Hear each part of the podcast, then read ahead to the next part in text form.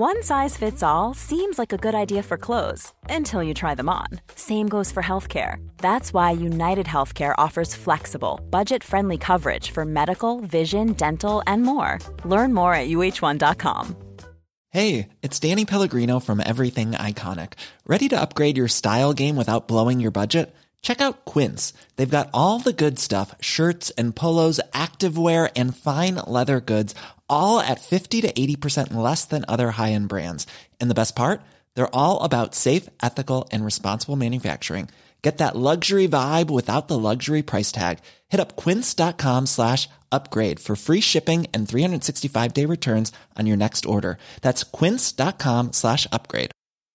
Many of us have those stubborn pounds that seem impossible to lose, no matter how good we eat or how hard we work out. My solution is PlushCare. PlushCare is a leading telehealth provider with doctors who are there for you day and night to partner with you in your weight loss journey. They can prescribe FDA-approved weight loss medications like Wagovi and Zepbound for those who qualify. Plus, they accept most insurance plans. To get started, visit plushcare.com slash weight loss. That's plushcare.com slash weight loss. Veckans sponsor är Telia. Hos Telia samlar man mobil, bredband, IT-support, mobilväxel, allt som gör företagande enkelt.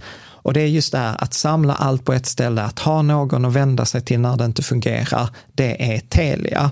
Ett exempel på vad som inte är Telia, det är ju som när jag lyckas boka förmötet för en poddinspelning med Finansinspektionen till efter själva inspelningstillfället. Eller när jag här, här året var liksom, fick för mig att jag skulle börja springa, så jag är liksom ute och springer taggad, träffar en kompis som säger så du Jan, på måndag ska jag springa ett lopp. Och jag känner så här, ja men det låter inspirerande, så jag käkar pasta, jag byter om, tar mig ner till Malmö stadion för att göra en efteranmälan, står där i kön och sen så när jag liksom anmäler mig så tittar de på mig och säger så här, du Jan, vårhuset är bara till för kvinnor. Och eh, det var, det var typisk en situation som inte är Telia. Oavsett, ett stort tack till Telia som sponsrar, gör Rika Tillsammans möjligt, men framför allt tack till dig som lyssnar, följer och eh, hänger med oss varje vecka. Det är det som är så spännande när man försöker investera aktivt och, och, få en bättre avkastning än index. För man behöver göra en bättre analys och det är en ren teknisk kompetens. Men sen behöver man ha, ha koll på psykologi, både sin egen och andras, för att sambandet mellan pris och värde, det i princip beror bara på psykologi. Du lyssnar på Rika Tillsammans-podden som handlar om allt som är roligt med privatekonomi. I den här podden får du varje vecka ta del av konkreta tips, råd, verktyg och inspiration för att ta ditt sparande och din privatekonomi till nästa nivå på ett enkelt sätt. Vi som gör den här podden heter Jan och Caroline Bolmesson. Idag är det dags för avsnitt 229 och eh, detta blir en fortsättning på vår eh, serie utifrån Howard Marks bok, den här The Most Important Thing. Det vill säga som är, en, egentligen serien handlar om så här, vad är det som, om man inte investerar i indexfonder och fondrobot, vad är det som krävs för att få en bättre avkastning än index? Mm. Och då är man dessutom inte ens garanterad någonting. Så att vi har tidigare pratat om eh, då second level thinking, vi har pratat om effektiva marknadshypotesen och dess begränsningar. Och eh, idag så kommer det handla om pris, värde och psykologi. Ja. Faktiskt. Och eh, det bygger ju då på Howard Marks som har grundat företaget Oak Tree Capital och liksom skrivit den här boken The, The Most Important Thing. Och jag tänker så här, vi, vi hade ju min mamma på besök häromdagen och hon var så här, Ja, alltså ni har ju haft några bra avsnitt på sistone, men det här förra gången som ni hade om effektiva marknader, alltså det var skittråkigt. Jag lyssnade inte ens på det. Det, det var, jättesvårt. Det var ja, men, jättesvårt. Ja, och så börjar jag säga, ja men vi har ju sagt att detta är lite avancerat avsnitt och så. Ja. Och så, ja, och det tror jag ibland att man, antingen så, så ser man inte det att det är avancerat, eller så tänker man automatiskt hjärnan tänker så, men jag, är, jag kan det, jag förstår ja, avancerade ja. grejer. Ja, men precis. och, och, så är det, man tror ju, jag tror oftast mer än mig själv. Ja. Uh, ja. att jag är smartare än vad alla andra är. Ja. Ja, men precis. Nej, men så, så att jag vill egentligen bara liksom understryka så här, är, är man inte superintresserad av ekonominörderi, det går bra att hoppa detta uh, avsnittet, utan detta är ett fördjupningsavsnitt. Eh, detta är till lite nörderi. Det är därför vi inte kör dem på rad heller, utan vi, vi, vi, vi varierar. Att det kommer ofta Ja. ett fördjupningsavsnitt, sen ett avsnitt om ett annat ämne.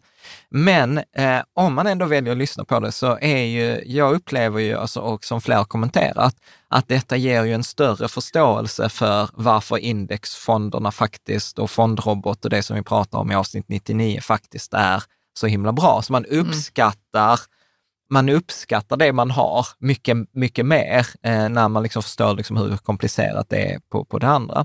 Och det är ju fortfarande avsnitt 99, då kom igång med ditt sparande och avsnitt 190 som är liksom så här basen i våra rekommendationer. Har man inte lyssnat på de två avsnitten, då är det verkligen så här, stäng av detta avsnittet, gå, gå till avsnitt 90 100, eh, eller 99 och 190. De är, det är liksom vår stående rekommendation. Eh, och sen är det som vanligt att liksom, detta är historisk avkastning, inte en garanti för framtida avkastning. Detta är inte finansiell rådgivning, utan vi utgår från då liksom en diskussion. Okej, täcka in, okej, så om man inte vill investera passivt, långsiktigt, regelbundet i alla bolag i hela världen, i alla storlekar, i alla branscher, så utan man vill liksom väl, välja ut bolag som kommer gå bättre eller ta ut vinnarna. Vad är det för grejer man behöver eh, liksom ha koll på?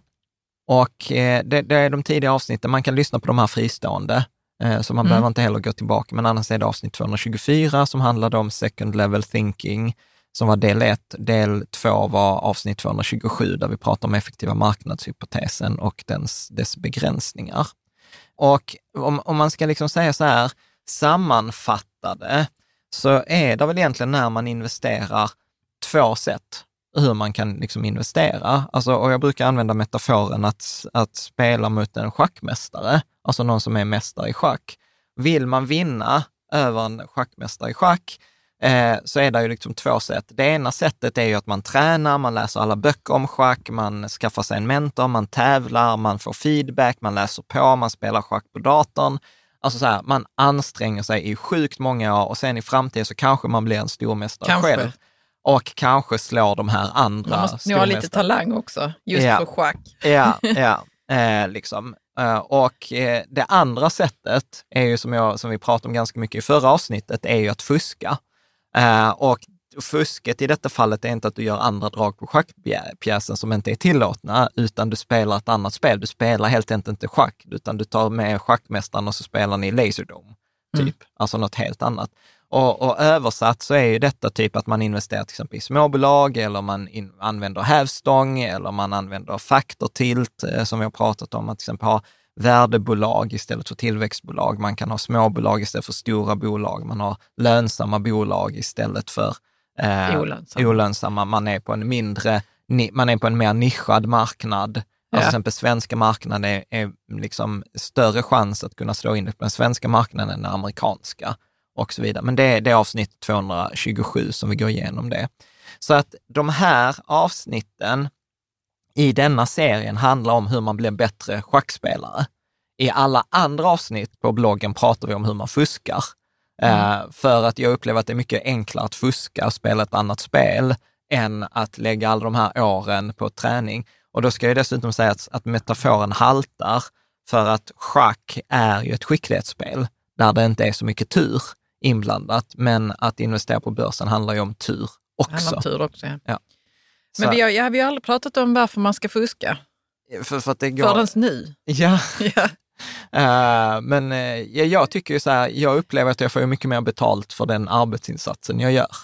När du Eh, fuskar, ja. Ja, och eh, liksom. Och Mm. sen är det, återigen, fusk här är inte olagligt, utan det är Nej. helt enkelt att man, att Vi man gör lite. någonting annat eh, där man har Gud oddsen på sidan. alltså. Ja, men jag vill inte säga bara, "Ja, men du vet insiderinformation. Nej, det är inte så vi menar. Det är inte, Vi pratar liksom, om det- indexfonder som Ja. fusk. Ja. Mm. Precis. Bra. Mm. Jag tänker så här, innan vi hoppar in dagens eh, avsnitt, eh, så vill jag verkligen slå ett slag för vår Patreon-community. Eh, och eh, på Patreon, där är ju det för dig som vill ha extra material. Det är där vi har arrangerat träffar, både fysiska i Stockholm och eh, runt om i, i, Sverige. Men det roliga, vet du vad? En effekt av de här avsnitten är ju att det har blivit mycket tydligare att okej, okay, antingen kör du indexfonder, alltså som är en strategi, och då accepterar man den avkastningen som marknaden ger. Man behöver inte anstränga sig, inte lägga in någon tid. Alltså man bara är så här, äh, det, det, det, sköter, det, det sköter sig själv. Mm. Det andra sättet är att fuska och det tredje sättet är att försöka bli bättre än schackmästaren i schack. Är med? Och genom de här avsnitten så har det, detta blivit mycket tydligare som tre alternativ. Så vad vi har börjat göra på Patreon, för då var det många på Patreon som skrev så här, men då vill vi ha eh, konkreta exempel på hur fusk ser ut, alltså konkreta case. Eh, ja. Och det har vi faktiskt haft på Patreon nu under hösten, att vi har tittat på liksom en specialfond som inte är på Avanza Nordnet. Vi har tittat också, okej, okay, hur kan man utnyttja liksom det här fusket med att kanske skaffa sig ett informationsövertag genom att vi har bjudit in en börs-vd och så har vi pratat, återigen, där det är väldigt reglerat, men bara det, hur många har haft ett möte med en börs-vd och liksom lyssnat på, på hur, de, hur de tänker. Eh, så att eh, det är saker som händer och kommer man in att man lyssnar på detta långt efter att detta är släppt så finns det nästan alltid inspelningar. Så det finns en massa roliga grejer i, i communityn. Eh, bra. Och det roliga här då med Howard Marks är ju att han är ju en av få investerare som har varit väldigt, väldigt duktig, väldigt välrespekterad. Han har också hållit på sedan 60-talet eh, med investeringar, så han har ju liksom lång erfarenhet. Och sen har han, är han väldigt duktig för att han är så mån om att utbilda andra. Så han har typ sedan 90-talet skrivit sådana här eh, letters to the shareholders som är sjukt bra och de finns på Oaktree Capitals eh, hemsida. Så man går in på oaktreecapital.com och så trycker man på Inside och Howard Marks memos. Eh, och den här boken då, The Most Important Thing, är egentligen en sammanfattning av de här memosen i, mm. i 20 år. Då. Och eh, det vi kommer att prata om nu är mycket utifrån ett, han är ju en värdeinvesterare och vi kommer att prata om vad det är och vi kommer i detta avsnitt prata mycket om pris, vi kommer att prata om värde och vi kommer att prata om psykologin som de två kopplas samman med. Eh, känns det förståeligt? Ja. Ja, bra. Då säger, där finns ju Warren Buffett, som är så här mest kända, en av de mest kända investerarna. Han brukar ju säga, där jag har sagt så här, pris är vad du betalar, värde är vad du får. Och så säger han också så här att den bästa investeringsutbildningen i världen skulle egentligen bara ha två stycken kapitel eller två delar. Och det ena är hur värderar man en tillgång? Och i, i detta fallet då en aktie, det är väl oftast det vi kommer att prata om. Och sen är den andra delen, hur kan man tänka sig eh, kring prisrörelser? För pris och värde är inte samma sak, utan värdet på ett bolag kan vara 100 kronor, men aktien kan vara 120 kronor och aktien kan vara 80 kronor. Och det är där Benjamin Graham, eh, som skrev The Intelligent Investor, han pratar ju om Mr Market och att Mr Market är en sån här manodepressiv person. Så om du har den här aktien eh, som, som har ett värde på 100 kronor, så när Mr Market är liksom på, i extas, den säger, vet jag köper den, 120, 130, du får 140, 150 du vet, erbjuder vilket pris som helst. ibland är Mr Market sjukt deppig och då är han så här, äh, du kan få typ 80, 65. Liksom. Mm. Det ser ut att ha mm. checkat ut redan. Nej, men jag tänker, eh, jag försöker liksom översätta detta till så vad jag har varit med om. Till exempel Tesla-aktien då pratar vi om värde och vad aktien vad priset ligger är. på. Ja, aktiepriset ligger på. Ja. Och det är där som vi har Alltså bara första... Vi har bara rört vid det lite grann väl? Ja, alltså ja. bara första steget är, kan du bara inse att det inte är samma sak. Ja, ja visst, absolut. Liksom, det, det är men, då, men i mitt fall så blir det att jag behöver liksom titta på siffrorna då, som, som du har pratat om. Eh, ja. eh, liksom vad, vad alla aktierna är värda eller vad de är prissatta. Men, men vet du vad, pausa, pausa ja, den, kan, pausa den pausa frågan. Det, för det för... känns som att det behöver bli konkret. Ja, men vi, mm. vi, vi, vi, vi kommer dit. Mm. Vi, du kan, vi kan läsa här från Howard Marks. All, allt som vi läser på engelska, det är direkt citat från boken. Mm. Eh, och jag, jag, gillar att läsa böcker på originalspråk och istället för att jag ska göra någon halvöversättning som blir kass. Så att vi, lä, vi läste och sen så diskuterar vi det som där står. Uh, the oldest rule in investing is also the simplest. Buy low, sell high. Seems blindingly obvious. Who would want to do anything else? But what does the rule actually mean? Again, obvious. On the surface, it means that you should buy something at a low price and sell at a high price. But what, in turn, does that mean? What is high and what is low? Ja. Och det är Ja. väl lite sammanfattning av den frågan som du var, du var inne på. Att vi Ja, kör... det är det väl inte. Jo, nej men det blir Ja, så men här, det är inte köp, sammanfattning. Det här är liksom en ingång, Jan. Ja. Ja. köp, liksom så här, köp billigt, sälj dyrt. Ja, men vad, vad innebär det? ja, och vad är högt och vad är lågt? Ja. Absolut. Ja. Då, man får väl ställa, sätta det i relation till någonting. Eller? Ja, ja, vad, är, jo, vad är högt? jo men, Man måste ju ha något perspektiv på det. ja, väl? ja, men precis. Men låt oss, låt oss, eh, låt oss liksom for, fortsätta då. ja. För att egentligen, liksom så här, om man vill ha ett, liksom en överavkastning, så eller liksom en investerare, om jag ska vara så här krasst, en investerare har egentligen bara tre alternativ. Det, det första är ju att jag kan ju ha, liksom för att bedöma vad som är högt och vad som är lågt, så kan jag göra så kallad fundamental analys.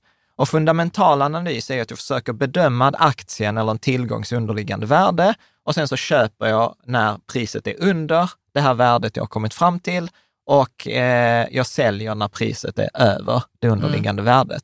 Eller detta som man på engelska kallar för intrinsic value. Teknisk analys handlar ju bara om att köpa baserat på framtida förväntningar. Att jag köper detta idag för att jag tror att det kommer att gå upp, vara mer värt imorgon, eller jag, jag säljer idag för jag tror att det kommer vara mindre värt imorgon. Detta inkluderar ju till viss del det som är kallat för momentumstrategier, att liksom en trend tenderar att fortsätta. Sen har vi en lång diskussion kring detta på forumet för att eh, jag är väl inget stort fan av det för att det finns inte jättemycket stöd för det i forskningen. Eh, men, men återigen, det är en pågående... Att teknisk analys fungerar eller, eller, eller inte. Liksom. ja, eller Eh, inte. Ja, Mm, okej. ja eh, liksom. Mm. Och sen så påstår jag att det tredje sättet, eh, som jag är ett stort fan av, det är ju att inte ha en åsikt kring pris kontra värde överhuvudtaget. Mm. Är du med? Utan jag köper, jag köper allting. Jag har ett lång tidshorisont, jag sparar på lång sikt. Så jag skiter i att ibland är Mr Market deppig, då kommer jag göra en jättebra affär. Ibland är Mr eh, Market i extas, då kommer jag göra en dålig affär. Men gör jag detta tillräckligt lång tid så kommer de, liksom, eh, eh, sparar jag regelbundet så kommer de kvitta ut sig. Mm. Är du med? Dålig affär, du menar bra affär. Förlåt mig att jag hänger upp mig när, du, Vadå? när Mr Market är i, manisk. Ja. Strunt samma, vi går vidare. när han, jag menar, han är manisk så gör jag en dålig affär om Gör jag du en köper. dålig affär? Vänta, jag fattar inte. Jag kände att jag inte fattade det. Okej, om Mr Market är manisk och han äh, 150, 150, det är värt 150. Om jag köper på 150 och det är Jaha, värt jag- 100, Ja, okej, så du gör- köper då. ja, så gör jag en dålig affär. Mm. Köper jag när han är deppig på Då gör du 80, en bra så gör jag en bra affär. affär, ja. Mm. liksom. Så att jag kan göra en fundamental analys, jag kan göra teknisk analys, eller jag kan skita i att göra någon analys överhuvudtaget och bara köpa allting i alla branscher, i alla sektorer, i alla länder. Alltså indexfondssparandet. Ja. Tar vi Marx, Howard Marks syn på teknisk analys, så skriver han så här. Mm. I liken it to trying to guess whether the next person to come around the corner will be male or female. The way I see it, day traders consider themselves successful if they bought a stock at $10 and sold at 11, bought it back next week at 24 and sold it at 25, and, and bought it later at 39 and sold it 40. If you can see the flaw in this, you probably should not read the rest of If you can't see the flaw in this, Ja. you probably should not read the rest of the book. Ja. Ser du problemet? Så Nej, det, vänta. Du frågar mig, ser jag Ja, men jag problemet? kan och jag vet inte ifall jag ser problemet. Vänta. Ja. Men jag kan återupprepa det för den som lyssnar. Ja. Så att daytraders tycker att de är framgångsrika. När de köper en aktie för 10 ena dagen, säljer den för 11, typ dagen efter eller samma dag. Nästa vecka köper de den 24, säljer på 25 eh, och sen veckan eller månaden efter eller året efter köper den på 39 och säljer på 40. Liksom, då är de framgångsrika. Och då Ja, skriver ja, men Mark de så här, är ju framgångsrika. Ja, och då skriver på Mark så- daytrada. Ja, och så skriver Mark så här, om du inte ser problemet med detta, så, så då är det inte liksom värt att lösa resten av boken. Ja. Eller resten av så resonemanget. problemet är att, eh, att eh, aktie, aktiepriset hoppar. Eller inte hoppar, men Nej, nej. Problemet är... Nej, varför ska du alltid hålla på? Okej, Varför kan inte jag få säga det som jag tror? Okej, men säg då. Ja. Vänta, det känns som ett jävla intelligenstest. If you can't see the flaw in this. Mm. Så här, en halvtimme senare. Nej, men jag tänker att det, de bryr sig inte om aktiens värde, eller? Ja, Tycker det, han illa om daytraders? han tycker illa om daytraders. Ja, för Ja. de vill bara tjäna pengar på... De vill bara tjäna pengar, ja. Men det vill ju han också, det är det hela boken handlar om. ja, men det beror på hur man tjänar pengar. Så man ska göra det på ett fint sätt. Nej. Okej, men säg svaret nu då, jag vet inte. Ja, men svaret är så här. När köpte de den första gången? På 10. Ja, 10, sålde ja. på 11, köpte Mm. tillbaka på 24, sålde på 25, köpte på 39, sålde på 40. Vad var aktien värd i början? 10. Ja, vad var aktien värd i slutet? 40. Hur mycket, hade du, hur mycket tjänade daytradern? Ja, ja, okej, de, de tjänar inte så mycket. De tjänade i- 3 dollar på Ja. de tre affärerna, medan den som hade köpt den på 10 och hållit den hade tjänat 30. Ja, 10 gånger mer. Liksom. precis det är sättet man tjänar pengar på. Nej, inte sättet, det är Nej. 10 gånger mer. Ja, jag bara skojar. Eh, liksom. Om ja, vi- nej, men det, det stämmer. Det var, åh, vad trist att jag inte kom på det. Ja, men jag gjorde inte jag heller från Nej. början. Eh, ska vi ta eh, då, fundament, om vi då tittar på fundamentala analyser, han kommer inte prata om index, utan inde, index här är ju då att man tar någon åsikt, utan man kommer hamna någonstans mitt, mitt emellan. Man blir ju genom, alltså att investera i index är ju att vara genomsnittlig, men eftersom de flesta inte är genomsnitt, utan de flesta är sämre än index, så är ju genomsnittlig strategi kommer ju vara bättre än de flesta andra över tid. Mm. Men om vi då börjar titta på vad är det han tycker man ska göra för att få superior returns, alltså få avkastning som är bättre än index, alltså att slå index. Då säger han så här att det finns ju då inom fundamental analys två stycken skolor. Det finns då värdeinvesterare och tillväxtinvesterare, då value investors. Så du kan skri- läsa vad han skriver. Ja, value investors. Uh, buy stocks, even those whose intrinsic value may show little growth in the future, out of conviction that the current value is high relative to the current price. Ja. Så en värdeinvesterare köper för man upplever värdet är högt i förhållande till priset. Så priset är lägre än, än, än värdet. Men han skriver, notera att han skriver så här, även de aktier vars in, liksom inneboende värde kan visa en viss tillväxt i framtiden. Så en värdeinvesterare kommer inte exkludera tillväxtaktier. Är med? För, för där blir det ibland att så här, nej men jag köper bara värdeaktier, jag köper inga tillväxtaktier. Utan han, han är liksom mer gråskala än att det är fundamentalistiskt. Sen vad skriver han om growth investors? Growth investors buy stocks, even those whose current value is low relative to their current price, because they believe that value will grow fast enough in the future to produce substantial appreciation. Ja. Så tillväxtinvesterare som investerar i tillväxtbolag köper även bolag var, vars current value is low relative to the current price. Så en, även en tillväxtinvesterare kommer köpa en värdeaktie om liksom säger att det finns liksom tillväxt. Så att de överlappar. Så det är liksom, liksom första skolan. Man är inte antingen värde eller, utan det handlar om att kunna se båda fördelarna. Och, och jag tycker att han får ihop det så himla fint, för då skriver han så här. Thus, it seems to me the choice isn't really between value and growth, but between value today and value tomorrow. Growth investing represents a bet on a company, on company performance that may or may not materialize in the future, while value investing is based primarily on analysis of company's current worth. Ja. Så att vad han säger egentligen är att gör du fundamental analys så handlar det inte om att värde eller tillväxtinvesterare, skillnaden ligger egentligen var man lägger värdet. Att en värdeinvesterare tittar på vad är, vad är bolaget värt idag och betalar jag, liksom, eh, får jag det med rabatt eller betalar jag eh, liksom en premie för det? Och medan tillväxtinvesteraren tittar i framtiden. Så att egentligen är skillnaden mellan värde och tillväxt egentligen en tidsskala. Mm. Och då, då, liksom fortsätter, då fortsätter man, liksom, om man tar det resonemanget vidare, då kommer det vara så här att är du en investerare som har rätt om tillväxt, om till exempel Tesla, för Tesla har ju varit en liksom, tillväxtaktie i, i din portfölj, den växer väldigt mycket, den är mer värd imorgon än vad den är eh, är idag. Så till exempel en värdeinvesterare har ju haft jättesvårt att köpa den, medan en tillväxtinvesterare tycker så här, den är väl superbra. Och den skapar dramatiska resultat. Alltså en tillväxtaktie är ju den som kan öka med 100-200 procent än med. Så det, det, det är därför det ofta blir så här rubriker kring de där. De är populära. Vi har haft Evolution Gaming, vi har haft Zink, vi har haft massa bolag som har växt jättemycket, tillväxtbolag. Senaste tio åren har tillväxtbolag gått mycket, mycket bättre än värdebolag. Mm. Än med.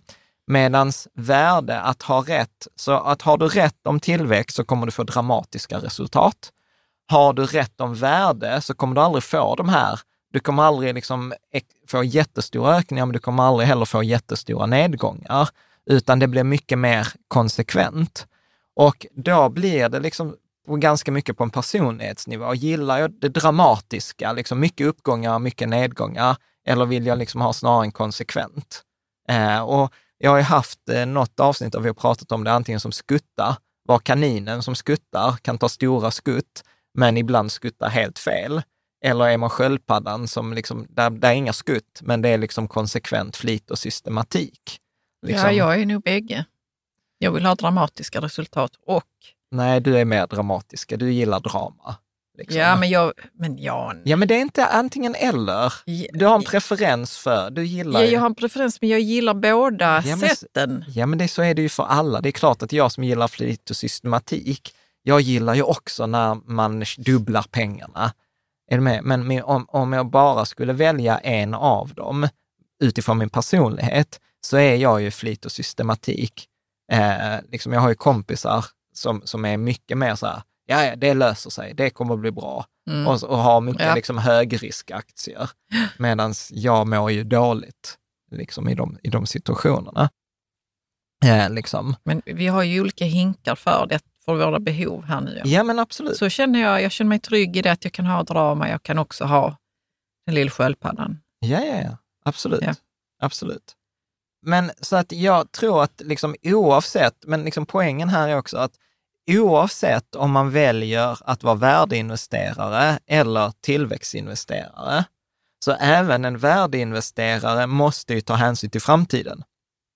Eh, och inte bara ta hänsyn till framtiden, utan om vi tar tillbaka till second level thinking, andras uppfattning om aktien i framtiden. Mm. Så att det blir liksom så här dubbelhopp. Alltså jag behöver ha, liksom, ha, inte bara ta hänsyn till bolagets framtid, men hur kommer marknaden tolka detta i framtiden?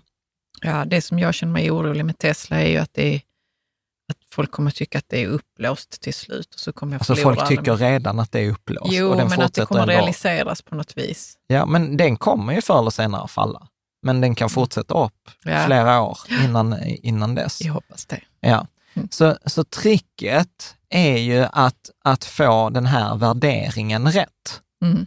Eh, och liksom om du inte får rätt på värderingen, så blir egentligen, alltså på, på, på engelska pratar man liksom så här, okej, okay, vad är din exit-strategi? Om, om du inte har värde, fått värderingen rätt, då måste du ha tillit till hopp.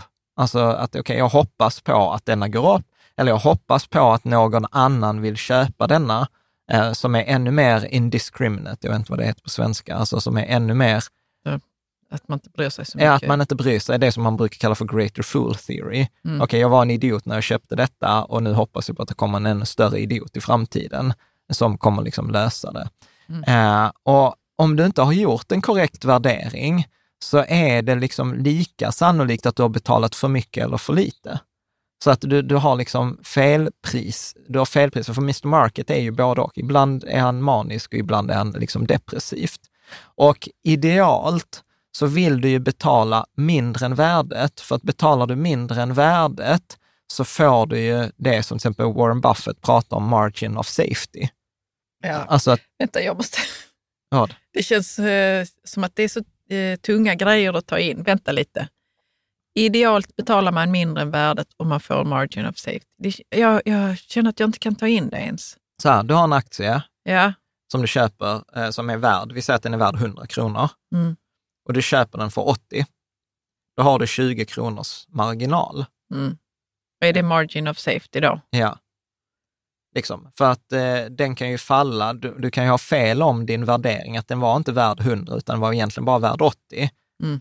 Så har du ju köpt den på dess rättvisa pris. Medan Ja. är den värd 100 och du köper den för 150 och den faller till 80, alltså faller liksom din underliggande värde, ja då är din risk plötsligt inte 50 utan din risk har ju ökat till 70. Mm. Är med? Så att Mm. du vill liksom ha en sån här vallgrav, kallas det, liksom, eller en margin of safety. Detta pratar ju Benjamin Graham om redan typ på 40-talet. Eller En när han skrev. vallgrav alltså. Ja, att ha, jag, jag vet inte, jag har lärt mig det som vallgrav. Att den skyddar dig. Du har liksom buffert. Ja, ja. Absolut. Vi, Ja. vi kan gå vidare. Nu har vi mjukat upp lite här, för det är Ja. mycket så... eh, det är mycket meningar som är så, jag måste he- försöka hänga med. Ja. Men sen så är vi redan på nästa mening. Ja, ja. ja men detta är, li- det, detta är ju liksom så här, alltså vi är fortfarande bara i början Ja, jag vet. av- och det är av- liksom inte ens finanslingo särskilt mycket. Nej. Nej. Det, men, men det är ju det som jag gillar, liksom så att, för den här boken, den här serien kommer egentligen sammanfatta det mesta som finns att veta om marknaden. Men det är klart att alltså, varje sån här mening, alltså vi kommer inte ens i detta avsnitt gå in på hur man värderar bolag. Nej. Alltså det är ju det är ytterligare tunga en meningar, konst. det är det. Mm. Liksom, utan vi pratar liksom fortfarande om på ganska hög nivå, liksom teoretiskt om det. Vi har ju inte ens pratat om hur, så hur värderar man bolaget. Alltså det, det är ju ytterligare liksom en kompetens Mm. som det finns högskolekurser på. Eh, liksom. Ja. Så att, Okej. så att, men då är vi så här, så att om, om du har köpt av Mr. Market när han var manisk, alltså du har betalat för mycket, så kan du egentligen bara bli räddad av att liksom där sker en stor utveckling. Det vill säga, shit, jag köpte denna aktien för 150, eh, ta Tesla, nu bara hittar jag på. Du köpte det här bilföretaget för 150 när det egentligen bara var värt 100. Med? För att den då ska bli värd 150, att du ska få ett rättvist pris, då måste ju de ha komma med en ny bilmodell som du inte visste om och den bilmodellen måste bli succé och då ökar det underliggande värdet från 100 till 150 för det har skett en, liksom en stor utveckling. Är du med? Mm. Och, då, och då förutsätter vi bara att priset dessutom höll sig stilla. Ja. Ja. Ja, ja, visst. Så- Vilket det har gjort. Ja. Om, Eller- du inte, om du inte då, det andra som kan liksom rädda dig är ju att du får en stor marknadsrörelse. Att det blir så här, ja, ja, de producerar inte fler bilar eller någon ny bilmodell, utan att liksom hela marknaden går upp. Alltså det där, corona är över, alla är så här, gud vad skönt, alla, liksom, alla aktier ökar. Med? Så att du får en marknadsrörelse som, som räddar dig. Ja, man kan ha båda de grejerna samtidigt. Ja, det kan du ha. Eller så kan du dessutom ha att där kommer den här ännu större idioten som har räknat ännu mer fel eller som tror att detta kommer gå ännu mer upp eller har räknat, gjort felaktig analys. Mm. Så problemet med, med de här tre punkterna, att ha en stor utveckling i det underliggande värdet, en stor marknadsrörelse eller att där kommer en ännu större greater fool, är ju att de är ju inte systematiska. I, I kvalitetsarbete så brukar man alltid prata så här, vi vill ha förutsägbara, konsekventa, eh, systematiska resultat, liksom förutsägbara. Det är ju svårt att bygga en investeringsstrategi på att ja, men min strategi är att jag säljer till större idioter än mig själv. För att liksom, det kan ju hända att den där personen kommer, kommer ju inte. Och då det är är du, du som är idioten. ja, det är jag som är den sista idioten. Ja. Liksom. Och, och dessutom, för att göra detta ännu mer komplicerat, så räcker det ju inte att, att jag har fått korrekt värdering, eh, att, att jag har, liksom, eh, jag har min vallgrav etc. Utan jag måste ju dessutom med att stå ut med att hålla min investering. Och vad jag menar med det är att marknaden, eftersom Mr. Market är ju både manisk och depressiv, så kommer det ju nästan alltid vara någon period då du är back på din investering och du kommer se ut som en idiot. Är ni med? Och då gäller det ju liksom också att ha tilliten till att nej men jag har gjort rätt när hela världen säger att du har gjort fel. Är med? Marknaden uppenbarligen värderar inte detta på samma sätt som, eh, Mm. som du. Och det där är ju extremt jobbigt. Jag tycker det är Stressande. extremt... Ja, ja, absolut. Och Joel Greenblatt, han som har skrivit eh, boken The Magic Formula, en annan bok, han, han kommenterade så här. Så du kan läsa vad han Ja. skriver. I always tell my students, if you do a good job valuing a stock, I guarantee that the market will agree with you. I just don't tell them when. It could be weeks or years. Graham said that the market is a weighing machine over the long term, even if it's uh, often emotional over the short term. In my experience with the stock market, two or three years is generally enough time for the market to get it right. If you read the newspaper every day, this is often a, a tougher wait than it sounds. Ja. Så att detta är också så här, återigen, alltså vi hade kunnat prata ett helt avsnitt bara om detta citatet. Men vad han säger så här, om du värderar, om du gör ett bra jobb med att värdera en aktie, så kommer marknaden förr eller, alltså förr eller senare att hålla med dig. Ja. Problemet är att förr eller senare kan vara veckor eller år. Det kan vara tre år. Och tänk att göra en analys och så du vet inte om du har rätt förrän om tre år. Och, och där var det också, tror jag, då Benjamin Graham. Eh, han har ju sagt att på kort sikt är börsen en popularitetstävling.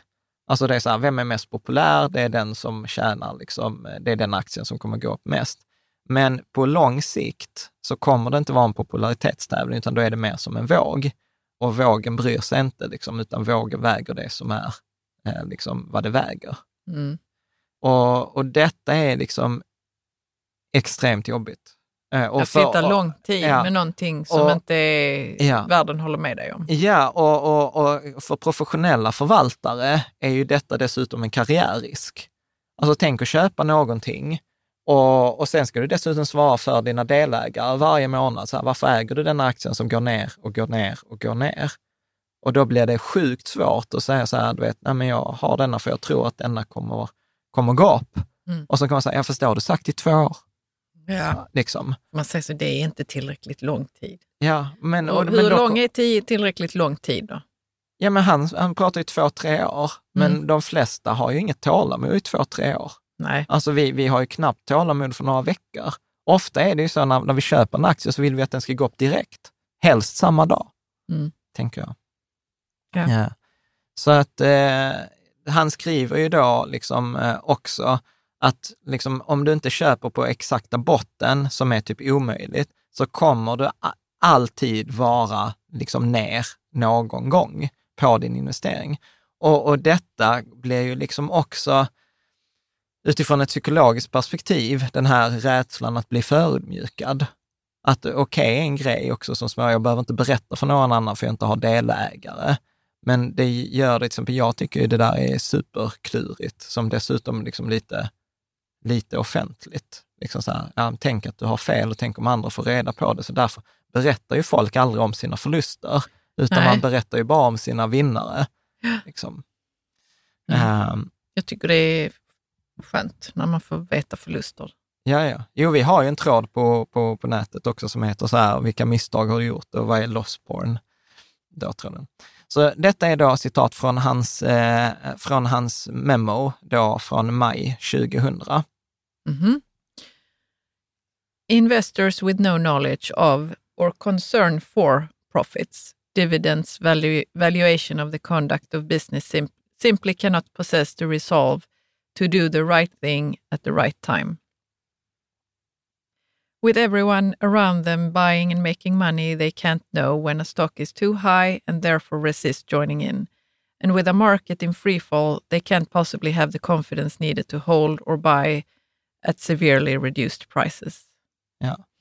Så liksom en förutsättning liksom för att kunna slå index, så behöver man då liksom veta, så här, okay, vad är vinsterna, vad är utdelningarna, vad är värdet, hur funkar bolaget, hur kommer bolaget gå i framtiden, hur kommer marknaden uppfatta detta bolaget i framtiden? Alltså att man behöver titta på alla de, de aspekterna. Och, och han skojar lite om detta i boken också, att när är det man tjänar som mest? Alltså när är det en värdeinvesterare tjänar som mest pengar? Ja, men det är ju när du köper en undervärderad tillgång. Alltså du köper den där tillgången som är värd 140 kronor, men sen minskar priset och du fortsätter köpa när den är på 70 kronor. Du fortsätter köpa när den är på 60 kronor. Du fortsätter köpa när den är på 50 kronor och du klarar av att hålla din analys, för du köpte ju för att du sa att den var värd eh, 80, eller den var värd 100 och du köpte på 80 och sen plötsligt så är den kanske värd 40. Mm. Kommer man då köpa? Har man då den mentala övertygelsen och vet att nej, men denna är värd 100, marknaden har fel, marknaden har bara missförstått detta och jag kanske kommer liksom eh, tjäna pengar på detta i framtiden. Och då kommer ju den här tvekan, för att det räcker inte bara att du liksom köper den och snittar ner dig, du behöver ju dessutom ha rätt. Jo, men om vi bara tittar på det. Ja. När man har gjort sin analys, så då måste man ju ändå ha rätt mycket på fötterna liksom, Ja. för att tro att den är värd mer. Ja. Kan det inte finnas något självförtroende i det? Nu, vad, vad tänker du? Jag fattar inte frågan. Jo, men alltså att man kan sitta ut det här. Ja, om man är övertygad och man har ballar av stål, så, så absolut. Och det är de som kommer tjäna mest pengar. De som har ballar av stål och har rätt. För där finns ju människor som har ballar av stål, men de har inte rätt. Är ni med? Men man lägger in så mycket känsla och eh, liksom, vad kan det mer vara? Så, självkänsla i Ja. att ha rätt eller fel. Liksom. Ja. Och, hur Och vet, det, och, om man nu och, inte lägger in någon känsla. ja, och hur vet du, hur vet du när det liksom, när du hade, hur, hur vet du att du hade fel? Ja, det vet jag inte heller. Det är Nej. ju om det blir värt noll. Liksom. Ja, För då kan jag ju aldrig komma nej, tillbaka. obviously. Men, eh, men det är väldigt få aktier går i konkurs. Det är inte så många. Mm. Så att du, du får ju sällan det. Men hur vet du att, att du fortfarande har rätt när du var 40? Mm. Är du med? Det så att detta är ju jättesvårt. Det är inte enkelt att slå index. Det är liksom Nej, men jag inte... tänker på, på de Tesla-aktierna som jag köpte för flera år sedan. Ja, Och det var bara två stycken, eller vad det var. ja, Och då köpte jag det för att jag gillar bolaget, inte för att jag hade gjort någon analys eller så. nej, Utan för jag gillade det och tänkte men det kan kanske gå bra. ja, Och när vi sitter här nu och pratar om detta så tänkte jag, så, ja, vad skulle det vara som att jag, som jag gör analys av då? Ja, men då är det ju sådana bolag som, eh, som gör sådana cutting edge-grejer. Liksom. Det tycker jag är spännande. Men grejen är att jag lägger in mycket känsla då. ja. Och jag ingen- skulle inte sälja nej, Tesla även om det gick ner. nej. Jag skulle förmodligen inte sälja någon, något komponentbolag som gör eh, grejer till en rymdraket eller whatever. Liksom. Ja. Ja men här, Alltså jag skulle nog, har... det blir Nej, men- för mycket. Det, um, jag tänker att jag nog inte hade varit någon professionell investerare. Ja, men du är inte professionell Nej, jag är investerare. inte det. Men jag, men jag tänker nog att jag aldrig skulle kunna bli det heller. Alltså jag kan ju För säga... jag tänker så, hur mycket känsla ska man ha? Man ska nog inte ha så mycket känsla, men man måste ändå bry sig om företaget för att vilja, vilja analysera det. Är du med? Jag kan säga så här, Caroline, kommer du ihåg förra sommaren när, vi, när jag blankade Tesla? Eh, när Jag minns detta. Ja. Då hade jag en läsare som jobbar inom finans som förbarmade sig över mig. Jag var så här, Jan, detta är inte en bra idé att blanka Tesla. Han hade ju rätt. Han skickade mig, jag skojar inte, en analys på Tesla på 360 sidor. Ja. En, du vet, Ja, du jag hade den på skrivbordet. Ja. Någon har, alltså så här, detta var ju en intern analys som de hade på sitt företag, liksom på sin, eh, på, ja, den fonden eller det företaget de gjorde. 360 sidors analys som de hade gjort på Tesla. Du får, får det låta som så mycket. Hi, I'm Daniel, founder of Pretty Litter. Cats and cat owners deserve better than any old fashioned litter. That's why I teamed up with scientists and veterinarians to create Pretty Litter. Its innovative crystal formula has superior odor control and weighs up to 80% less than clay litter. Pretty Litter even monitors health by changing colors to help detect early signs of potential illness. It's the world's smartest kitty litter. Go to prettylitter.com and use code ACAST for 20% off your first order and a free cat toy. Terms and conditions apply. See site for details. I'm Sandra, and I'm just the professional your small business was looking for. But you didn't hire me because you didn't use LinkedIn jobs. LinkedIn has professionals you can't find anywhere else, including those who aren't actively looking for a new job but might be open to the perfect role, like me. In a given month, over 70% of LinkedIn users don't visit other leading job sites. So if you're not looking on LinkedIn, you'll miss out on great candidates like Sandra. Start hiring professionals like a professional. Post your free job on linkedin.com/people today. Quality sleep is essential. That's why the Sleep Number Smart Bed is designed for your ever evolving sleep needs. Need a bed that's firmer or softer on either side? Helps you sleep at a comfortable temperature? Sleep Number Smart Beds let you individualize your comfort so you sleep better together. JD Power ranks Sleep Number number 1 in customer satisfaction with mattresses purchased in-store. And now, save 50% on the Sleep Number limited edition Smart Bed for a limited time. For JD Power 2023 award information, visit jdpower.com/awards. Only at a Sleep Number store or sleepnumber.com. Ja, men jag det- bara skojar med dig. Ja, så, så jag, menar, jag menar att alltså bara så att man får liksom en uppfattning om att ja, folk är pålästa. Och då, då pratar vi inte ens om, du vet, för, alltså investerare som till exempel Ka- Kathy Woods, som är en av de största investerarna till, i Tesla, som förmodligen har eh, Elon Musks telefonnummer och kan ringa till honom och säga så här, du den där grejen i den där kvartalsrapporten, hur, hur, hur ser ni prognosen på det där? Eller hur tänker ni kring det där? Men vad, vill du, vad är det du vill säga nu till mig? Ja, men det är, det är, min poäng här är att när jag säger 360 sidor så är det ju att se att det är mycket jobb och då kan du komma fram till i den där analysen att ja, men det är inte värt att investera i detta. Eller så kommer du rätt fram till att du har, ja men det är värt att investera. Och sen så kommer ju liksom det där med marknaden och då kommer ju hela tiden liksom, den känslan som jag påstår är relevant är huruvida jag har tilliten till min egen, till min egen analys och klarar av att hålla, hålla det, tänker Mm. jag. Att, att blanda in känslan att jag gillar bolaget, det, det tror jag är problematiskt. Jag tror att det är jätteproblematiskt. För att det kommer cloud one's judgment. Alltså det kommer göra att man fattar felaktiga beslut. Och detta, liksom, ja, jag tror inte det är en framgångsfaktor Mm. alls. Nej. Eh, utan Okej. utan eh, jag, jag tror däremot behöver man ju ta hänsyn till för andra agerar på det sättet. Att då kommer vi liksom till den där relationen som vi ska prata om, relationen mellan pris och värde. Om andra förälskar sig i bolaget och det blir en story stock och människor liksom så här, ja då får man ju ta hänsyn till det i sin aspekt eh, när jag gör min analys. Ja men detta är ett bolag som människor kommer att älska, de kommer ha fans, de kommer ha liksom folk som Apple som står i kö och är med på en Ja, det ingår väl i produktpresentation. analysen antar jag. Ja, men det handlar ju inte om att huruvida jag gillar, jag behöver ju distansiera mig till, om jag är en värdeinvesterare så behöver jag ju kolla vad är värdet och vad är priset och sen krasst, är, är priset lägre än värdet, då köper jag Eh, och sen så är priset högre än värdet, ja men då säljer jag. Svårare än så är det inte, tänker jag. Mm. Ja men ska vi gå vidare? Mm.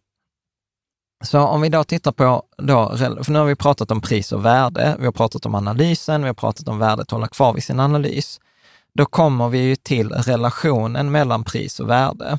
Och jag gillar då, liksom, då har jag plockat några citat från boken som han skriver då. Ska du läsa? Mm. Investment success doesn't come from buying good things, but rather from buying things well. Ja. Och, och detta, detta gillar jag också jättemycket. Många gånger så pratar man så här, åh, jag har köpt bra, jag har köpt en bra aktie. Nej, det handlar inte om att köpa en bra aktie. Det handlar om att köpa aktien på ett bra sätt, vid ett bra pris eller vid ett bra tillfälle. Där finns liksom eh, här, eh, om vi fortsätter vad han skriver. It has been demonstrated time and time again that no asset is so good that uh, it can become a bad investment bought at too high price. And there are few assets so bad that they can't be good investments when bought cheap enough. Ja. Så att det handlar om att ha en ganska agnostisk syn och säga så här, nej men det finns ingen investering eh, som är så pass dålig att den inte kan bli bra om man köper den billigt. Och där finns ingen investering som är så bra att den är bra oavsett vilket pris jag har betalat för den, utan alla investeringar, även Tesla, kan bli en dålig investering om man köper den när den är på, för, på en för, hög, eh, på för högt pris. Och det har, ju, det har ju till och med Elon Musk gått ut och sagt på Twitter ibland, och så här, nej men nu är priset på aktien för högt. Och han har ju till och med sagt så här att han säljer, liksom, jag nu vet jag inte om han gör allvar av det där, men att han kommer liksom sälja av. Mm.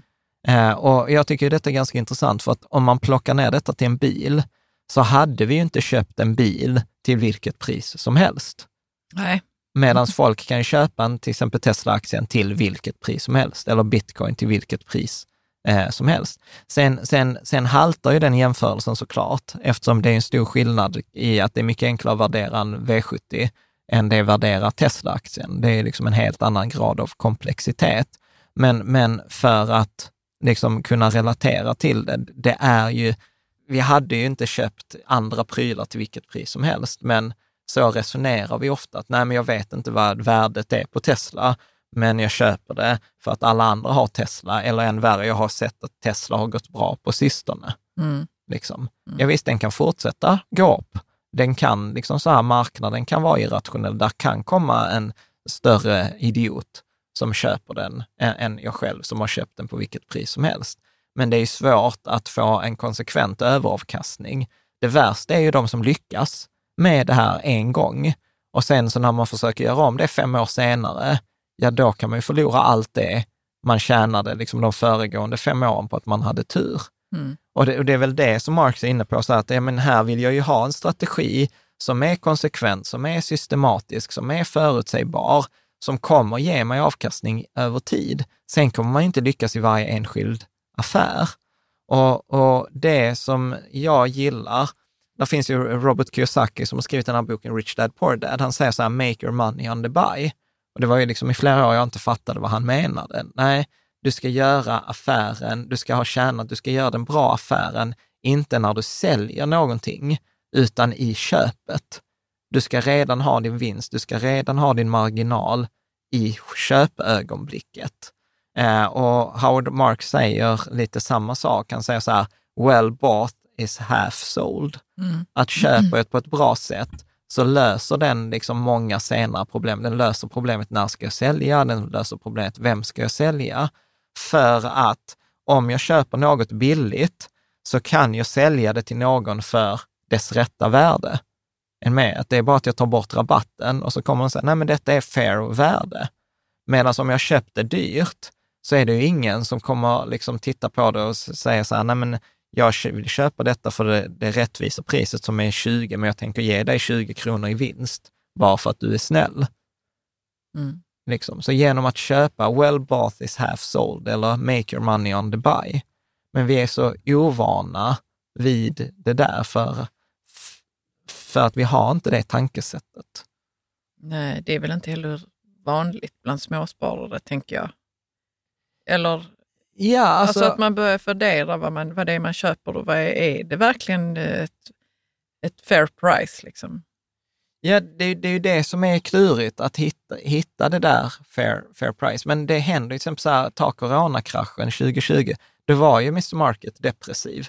Alltså så här 30 procent på tre veckor. Jag visst, det hade kunnat fortsätta, men vi såg ju också sen att ett år senare var vi 100 procent upp. Mm. Ingen garanti, men det är betydligt bättre att köpa 30 procent när vi köpte i varje nedgång. Vi tog med ut avsnitt så här, okay, nu är det rea. Ja. Nu är det liksom så att det är ju, det är ju liksom eh, bra att försöka utnyttja de tillfällena. Sen är det ju en helt annan strategi. Då kan det vara så här, är det värt att sitta och vänta på de tillfällena? Nej, det är det inte för att det är så pass stort mellanrum mellan dem. Men ändå just att börja fundera så här, köper jag detta med rabatt? Får jag då min vallgrav? Har jag då gjort ett bra köp? Eller har detta varit ett dåligt köp? Att bara liksom ställa sig den frågan är ju liksom ett steg på den här resan att få då superior returns, alltså att Mm. kunna slå index. Mm. Eh, Men sen gillar jag då jättemycket det som han skriver då om indexfonder.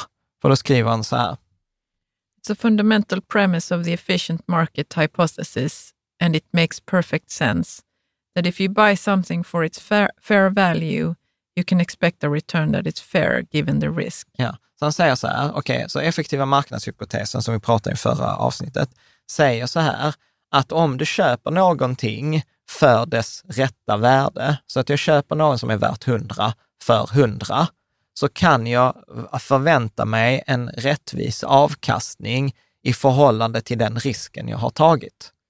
Med? Att köpa en indexfond för 100 när index är värt 100 och index gör 7 procent, så i förhållande till den risken jag tar så är 7 procent en rimlig avkastning. Är med? Eh, Sen skriver det, fortsätter. By active invest, Nej, but. but ac- active investors aren't in it for fair risk-adjusted returns. They want superior returns.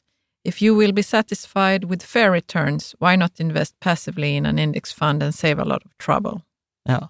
Och då kommer vi ju till där som jag säger, liksom att ja, men, här, en av poängerna med det här avsnittet är så här, ja, men, så här, köpa en indexfond, då får jag en schysst avkastning i förhållande till den risken jag tar. och så behöver jag liksom inte ens fundera på alla de frågorna som dyker upp i detta avsnittet.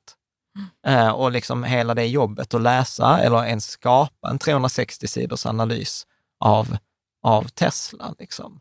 Mm. Eh, så att ja, detta är lite så här dålig stämning avsnitt.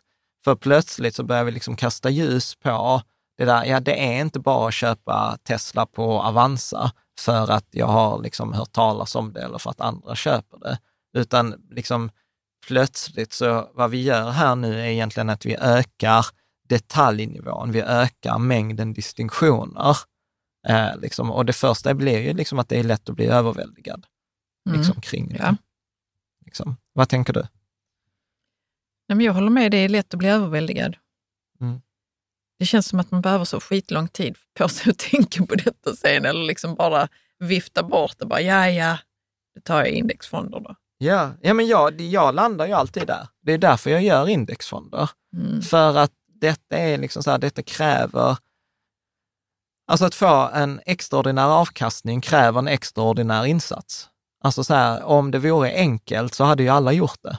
Alltså basically. Eh, och som vi pratade om förra avsnittet, där 227, så sa vi så här, anledningen till att vi alla känner till Warren Buffett eller vi känner till Peter Lynch eller Howard Marks eller de här stora investerarna, det är ju ett tecken på att detta är extremt svårt. För om det vore enkelt så vore det ju 13 på dussinet. Då hade det ju inte varit märkligt. Då hade vi pratat om Marcus Nilsson i Stockholm eller liksom Göte i, i Lund. Mm. Du, ser fundersam ut. Nej. Eh, vi går vidare. Och då kommer vi liksom in på det här liksom med, med psykologin. Då skriver Marx så här. The discipline that is most important to master is not accounting or economics, but psychology. It's possible to overs- Nej. it's impossible to overstate how important this is. Whereas the key to ascertaining value is skilled financial analysis, the key to understanding price or value relationship and the outlook for it lies largely in insight into other investors' minds. Investor psychology can cause a security to, uh, to be um, Priced. priced just about anywhere in the short run, regardless of its fundamentals. Ja. Så han säger så här att liksom en av de viktigaste liksom, områdena att greppa är psykologi. Det är inte bokföring, det är inte finans, finansiering eller ek, ek, ekonomi, utan han säger så här att liksom, nyckeln till att kunna göra, göra en värdering, det ligger liksom inom det finansiella, det matematiska. Men att förstå hur pris och värde hänger ihop, det är inte en liksom, ekonomisk eller finansiell kompetens, utan det är psykologi. För att investera psykologin, eftersom det är vi människor som är på marknaden, så är det så att vi kan, liksom, beroende på om vi är som Mr Market och depressiva eller maniska, så kan vi på, i, på kort perspektiv få en aktie att vara, alltså, vara, ha ett pris som är precis vad som helst, oavsett det underliggande värdet. Och, och där är ju många som har sagt, till exempel eh, Keynes, eh, tror jag sa så här, att marknaden kan vara irrationell långt längre än du har råd att liksom delta på marknaden. Vilket jag till exempel anser, kanske felaktigt, att Tesla är ju ett typiskt exempel på det de senaste, senaste åren. Att den, den, den är driven på psykologi och inte fundamenta. Mm. Du kan fortsätta vad, han skriver. The key is who, who nej vänta, vad står det här? The key is, the key is who likes the investment now and who doesn't. Future prices changes will be determined by whether it comes to be likely more people or fewer people in the future. Investing is a popularity contest, and the most dangerous thing dangerous thing is to buy something at the peak of popularity. Ja. Så han säger så här, nyckeln är att förstå vem gillar denna aktien idag och vem gillar den inte? För att liksom de framtida prisförändringarna kommer bestämmas av huruvida är fler människor kommer gilla den aktien eller färre människor kommer gilla den här aktien. Men det är det som är mitt stora misstag med, med Tesla och med många andra aktier, med Klarna-aktien, med Flat Capital eh, häromveckan, att, att jag, jag missar alltid, jag borde ju lära mig detta snart, att jag missuppfattar hur många som kommer gilla den här aktien i framtiden. För, för att i min värld så är det helt bisarrt att, att det är fler människor som gillar det när det går upp i pris. För i min värld... Du är där, logisk där. Ja. ja, i min värld så borde det vara så att ju, ju högre priset är, desto färre borde gilla den, eftersom då betalar man ju mer än det underliggande värdet. Så man gör ju sämre och sämre och sämre affär ju längre Så du har aldrig dragits till en vinnare? Aldrig någonsin? Jo, jag är gift med dig. Ja, och vi bara bortser från det. Har du aldrig dragits till en vinnare? Alla gillar en vinnare. Ja. Fler håller på vinnare än förlorare. Det är ju liksom, man, man börjar inte hålla på någon som ja. förmodligen inte kommer att ge, göra bra ifrån sig i en hockeymatch eller en, i, eller en fotbollsmatch. Liksom. Ja. Ja, säkert. Det är vanlig psykologi, Jan. Ja, men jag fattar. Och detta har kostat mig, oss, asmycket pengar. Alltså ta Flat Capital som var en börsintroduktion här för några veckor sedan. Deras stora pitch var liksom mer eller mindre att de ägde Klarna-aktier. Och jag var så här, Klarna är, jag påstår Klarna är sjukt övervärderat. Jag hade, vi hade en möjlighet att köpa in oss i Klarna i början av året på Patreon. Och jag och, och, jag och mina liksom, kollegor, vi kollade på så här, shit vad dyrt Klarna är. De har ökat med 400 procent på typ, eller 300 procent på sex månader.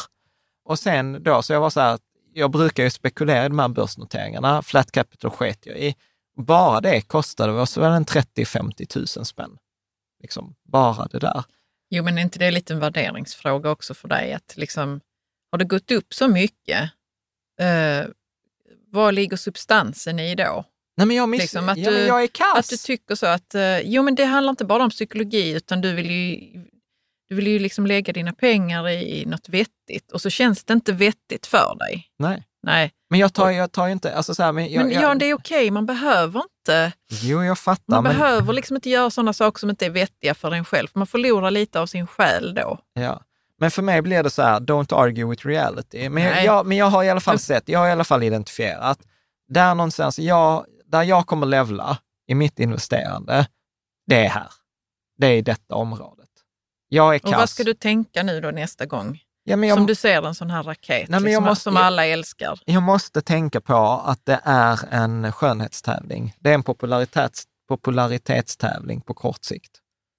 Och, och, jag tänker direkt på vågen. Nej, det blir inte våg förrän på, på sikt. Men skit, skitsamma. Alltså, tricket här är i alla fall att ja, men jag kan göra min värdering, men för att förstå skillnaden mellan priset och värdet så handlar inte priset och värde, så här, du kommer inte hitta svaret på, på pris-värde-frågan i Excel.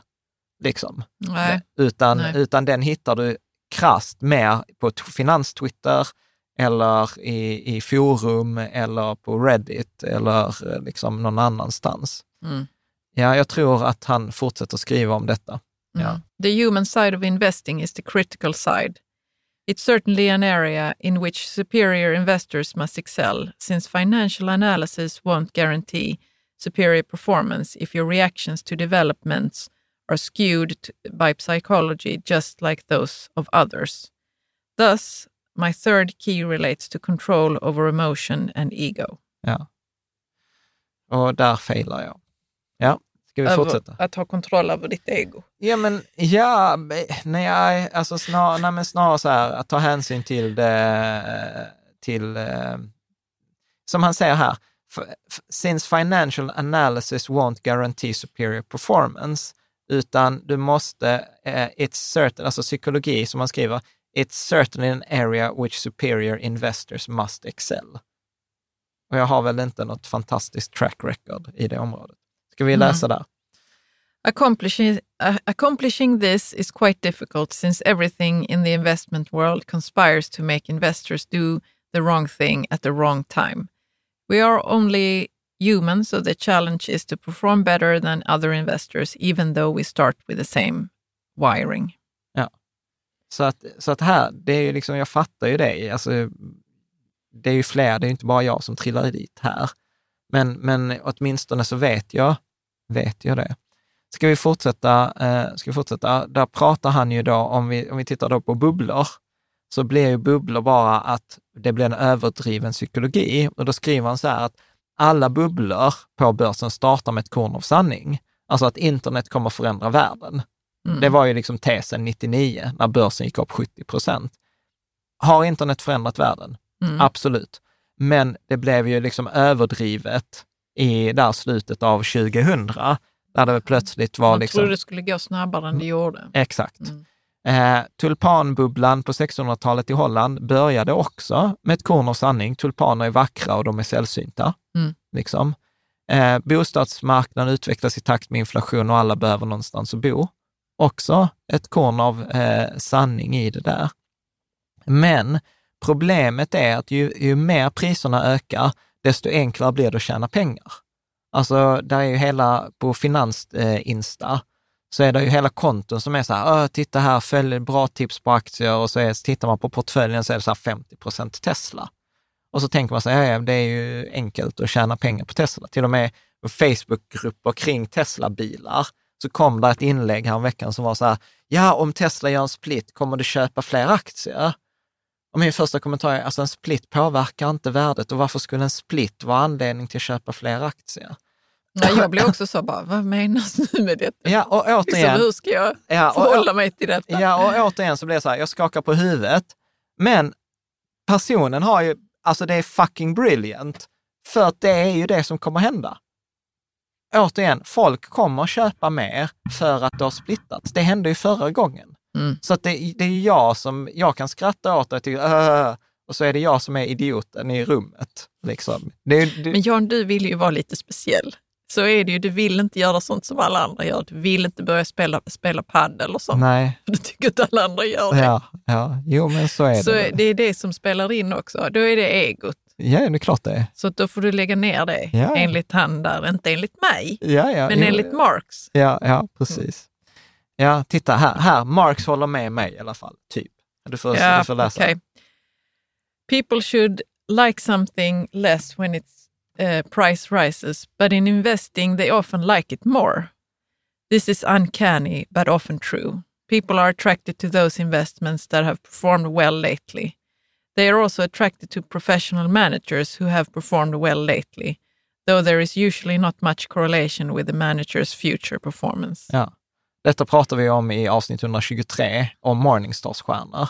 Att när en fond får fem Morningstar-stjärnor så vinner den tävlingar och då får den mycket mer kapital och det är mer sannolikt att den kommer förlora sina stjärnor än att den kommer behålla dem. Så att det är statistiskt bättre att köpa en fond med färre stjärnor än en fond med många stjärnor. Vilket Mm. är så här, eh, och vi, vi såg nu till exempel Gladiat, fonden Gladiator som blev ut en så här Nordens bästa hedgefond 2016 till 2018 spektakulär krasch. Jag tycker synd om förvaltaren. Jag tror i oktober gjorde minus 30 procent, så när börsen är upp plus 20 så ligger han minus 50 eh, procent nu i år. Liksom. Ja. Och, och har det tufft. Liksom. Mm. Den psykologin, alltså fy fan. Eh, har liksom empati för det. Ja, ja. Jag, jag bara tänker på det här när vi, när vi lär oss att alla håller på en vinnare. För jag minns i skolan när jag lärde mig detta. Eh, för vi hade en mobbing-situation i vår klass. Mm. Och då blev det så tydligt liksom, vilka som alla ville vara med Mm. och vilka som ingen ville vara med. Mm. Så det var liksom i skolan någon gång och sen har det bara varit en sån sanning. Liksom. Mm. Mm. Men om man inte har liksom varit i en sån situation när man har lärt sig det, Mm. då kanske det inte är så himla självklart. Liksom. Jag vet Nej. inte, vad tänker du om det? Jag vet inte. Jag vet inte. Nej, men det, det är ju liksom som man säger, alltså, att, att marknaden är ju tiltad, eller är ju som han säger här, jag tror i förra vårt förra Han tycker också det är uncanny och för mig är det så, ja så är det. Ja, ja, ja. Alltså. Men, men det är som, som han skrev här på förra, att eh, marknaden eh, här, the, the investing world conspires to make investors to do the wrong thing at the wrong time. Mm. Alltså så att hela marknaden är ju så här, den är ju till för att du ska fucka upp. Och, och, och tricket, jag, jag börjar ju mer och mer tro, detta har jag inga belägg för, men att tricket, alltså framgång kring investeringar, handlar mer om att inte trilla dit än vara briljant. Än med. Att det handlar nästan mer om att inte förlora än att vinna. För marknaden vill hela tiden att du ska göra dumma saker vid dumma tillfällen. Om jag bara kan hålla mig från att göra dumma grejer vid dumma tillfällen, så kommer jag få en överavkastning för att de flesta andra kommer göra dumma grejer vid dumma tillfällen. Ja, Men- kanske det är och- och- halva sanningen Ja, och att, och att detta kommer ju med erfarenhet. Liksom, och, och, fra, och framför allt, jag upplever ju, jag gör ju mycket färre misstag idag än vad jag gjorde för 20 år sedan. Men, men, eh, men jag gör ju fortfarande misstag. Och jag kommer ju fortfarande, när jag har gjort detta i ytterligare 20 år, kommer jag fortfarande sitta här och säga så här, fan jag är dum i huvudet. Hur kan jag ha hållit på med detta misstaget i 20 år? Eller i 40 år kommer jag ha gjort det misstaget Mm. då. Ja, men du vill inte göra det i 40 år.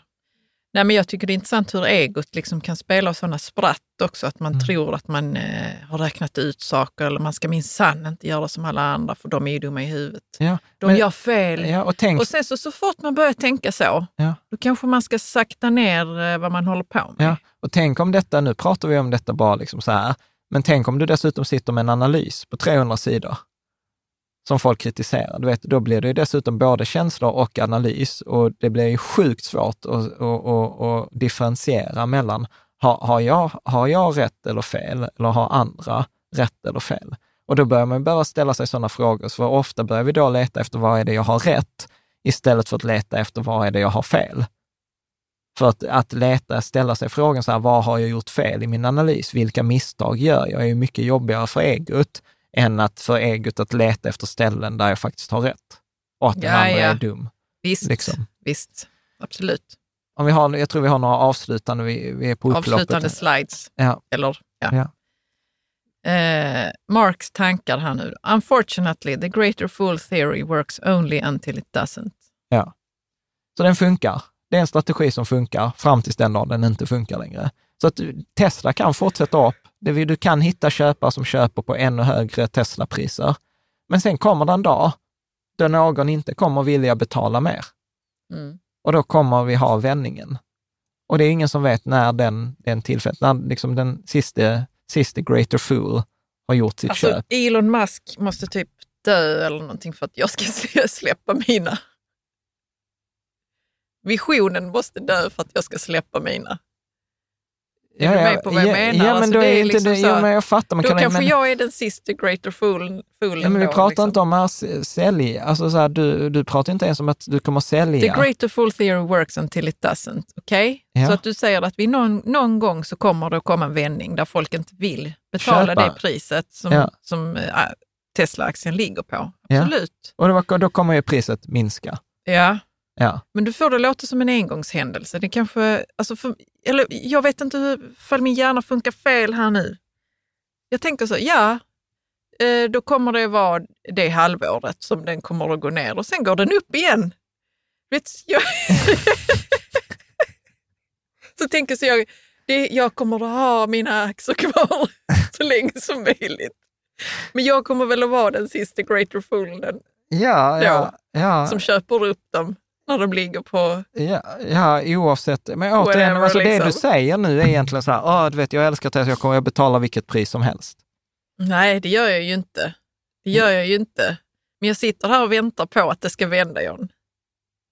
Ja, men, men jag, tycker, jag tycker det haltar, ditt resonemang haltar, för att du är inte ute efter att tjäna, liksom så här, tjäna greater superior return. Nej, det är jag inte. Nej. Nej. Nej, och, och du, du, du baserar ju ditt ägande helt känslomässigt. Jag gillar visionen. För att jag inte ska gilla Tesla måste Jag visionen... tror det är många där ute som håller med. Ja. Oavsett egentligen vilken aktie man har. Liksom. Småsparare Ja. pratar jag nu Och det är om. Sådana okej. som jag. Men, men då, spel, då, då behöver man ju liksom Nej, så här, men vi då, är, de flesta av oss är inte där. Liksom. Det här är återigen den här psykologin. Liksom. Jo, men jag fattar, men då är, och det är därför jag säger så här, ja men då, då, då är ju det ju en hobby. Då gör man ju inte detta för att tjäna pengar.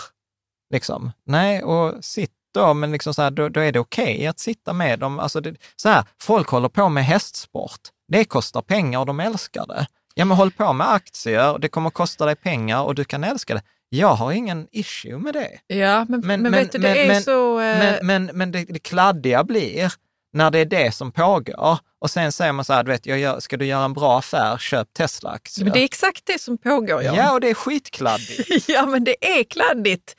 Du måste, du måste nog vara okej med att det är det där ute i, på, i, liksom, på marknaden. ja, och, Och bara så, okej, eh, jag fördömer inte att det är kladdigt, utan det är så det funkar. Ja, ja, jo, jag fattar. Problem, mitt problem där mitt ego slår bakut, det är ju när de börjar påpeka för mig att jag är dum i huvudet. Förstår du? Att, att, att det är jag som har fel om Tesla. Ja, Att de är mycket bättre investerare än mig. absolut. Men du, Liksom. vet, du, du, du får bara så, Ja. wave and smile on. Ja, jo, jo, jag fattar. Jag fattar. Vi går vidare. Ja. Eh, så, ska du läsa? The positives behind a stock can be genuine and still produce losses if you overpay for them. Ja. Så du kan ha, du kan ha rätt om Tesla, fantastisk vision etc. Men den, du kan fortfarande förlora pengar på den om du betalar för mycket. Köper du äh, liksom till ett högre pris än värdet så är det en dålig affär. Eh, bra. These positives and the massive profits that seemingly everyone else is enjoying can eventually cause those who have resisted in participating to capitulate and buy. Ja. Och det är ofta den sista fasen. Du vet så här att du har köpt de där Tesla-aktierna. Om du hade liksom rubbit in varje vecka, liksom nu i flera år, så till slut hade det varit så här, men jag, jag pallar inte vara dum i huvudet längre. Du har ju tjänat massa miljoner. Ja, jag måste väl också hoppa in. Jag har inte tjänat några miljoner, Ja, nej, men, men, folk har gjort det. ja, men Ja. Och, och, och du vet, så där kan man också rita på en bubbelkarta. Då kallas det så här bull trap. Då Mm. kommer de sista, sista liksom investerarna och sen brukar det vända. A top in the stock or market occurs when the last holdout will become a buyer. Uh, vänta. When the last holdout who will become a buyer does so. The timing is often unrelated to fundamental developments. Ja. Mm. Så att det liksom, toppen kommer när den sista som har motstått, motstått och köpa Tesla köper. Mm. Liksom där är toppen. Prices are too high if far from an, uh, synonymous with the next uh, move will be downward. Det här är en jättekonstig mening. Men, men så här, prices are too, too high, high är inom, inom citationstecken. Så, så vad den säger så här, prices are too high is far from synonymous with the next move will be downward. Alltså att priset är högt är inte synonymt med att nästa rörelse kommer Nej. vara neråt. Mm. Så här, saker kan vara liksom dyra och de kan fortsätta vara dyra eller ha högt värde. Så återigen, bara för att Tesla är högt värderat så betyder inte det att nästa år kommer vara en nedåtrörelse eller att eh, liksom nästa vecka kommer det gå ner. Det kan fortsätta upp i, i liksom länge. Mm. Eh, liksom. Eh, så. Eller bli ännu, liksom, det kan inte bara att det kan stanna högt, det kan fortsätta eh, hopp. Ja. Men återigen, som Benjamin Graham säger då till slutet, men eventually valuation has to matter.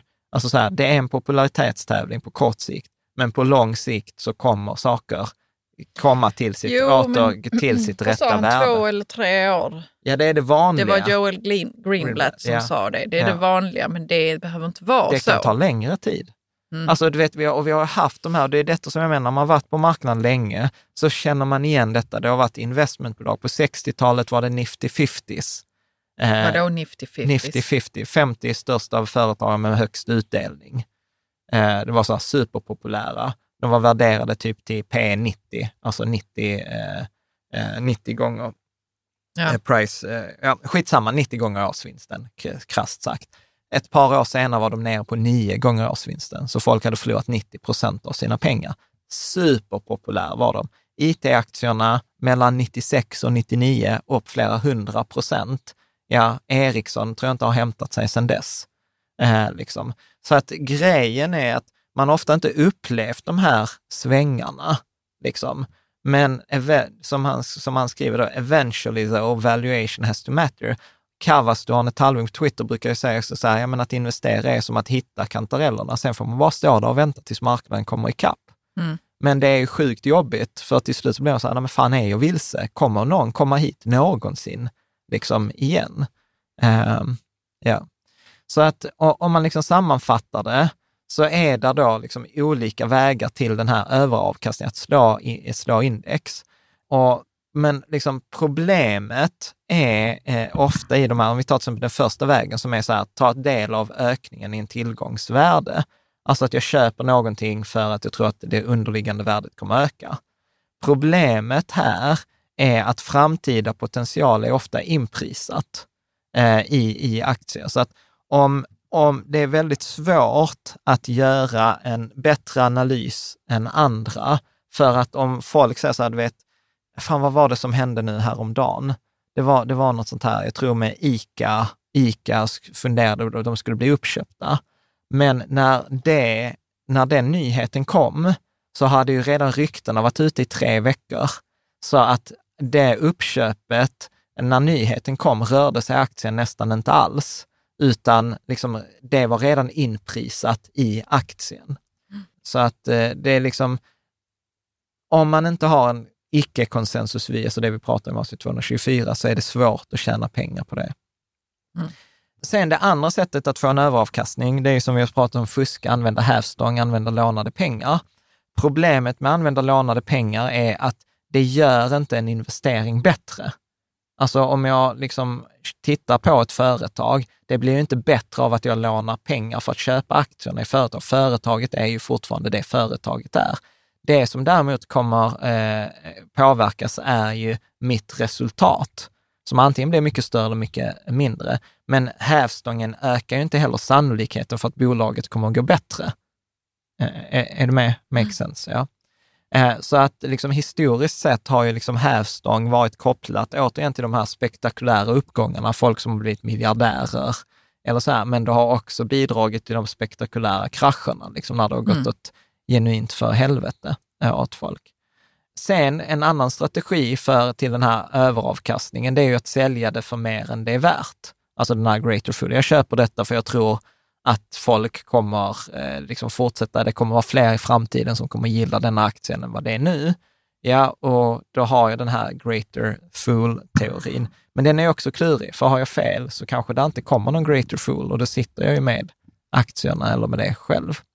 Så liksom det steget som, eh, som Marx då liksom landar i så pass långt i boken, det är ju att köpa. Det mest systematiska, konsekventa sättet är att köpa något under sitt värde. Alltså jag mm. köper den där hundralappen för 80 kronor.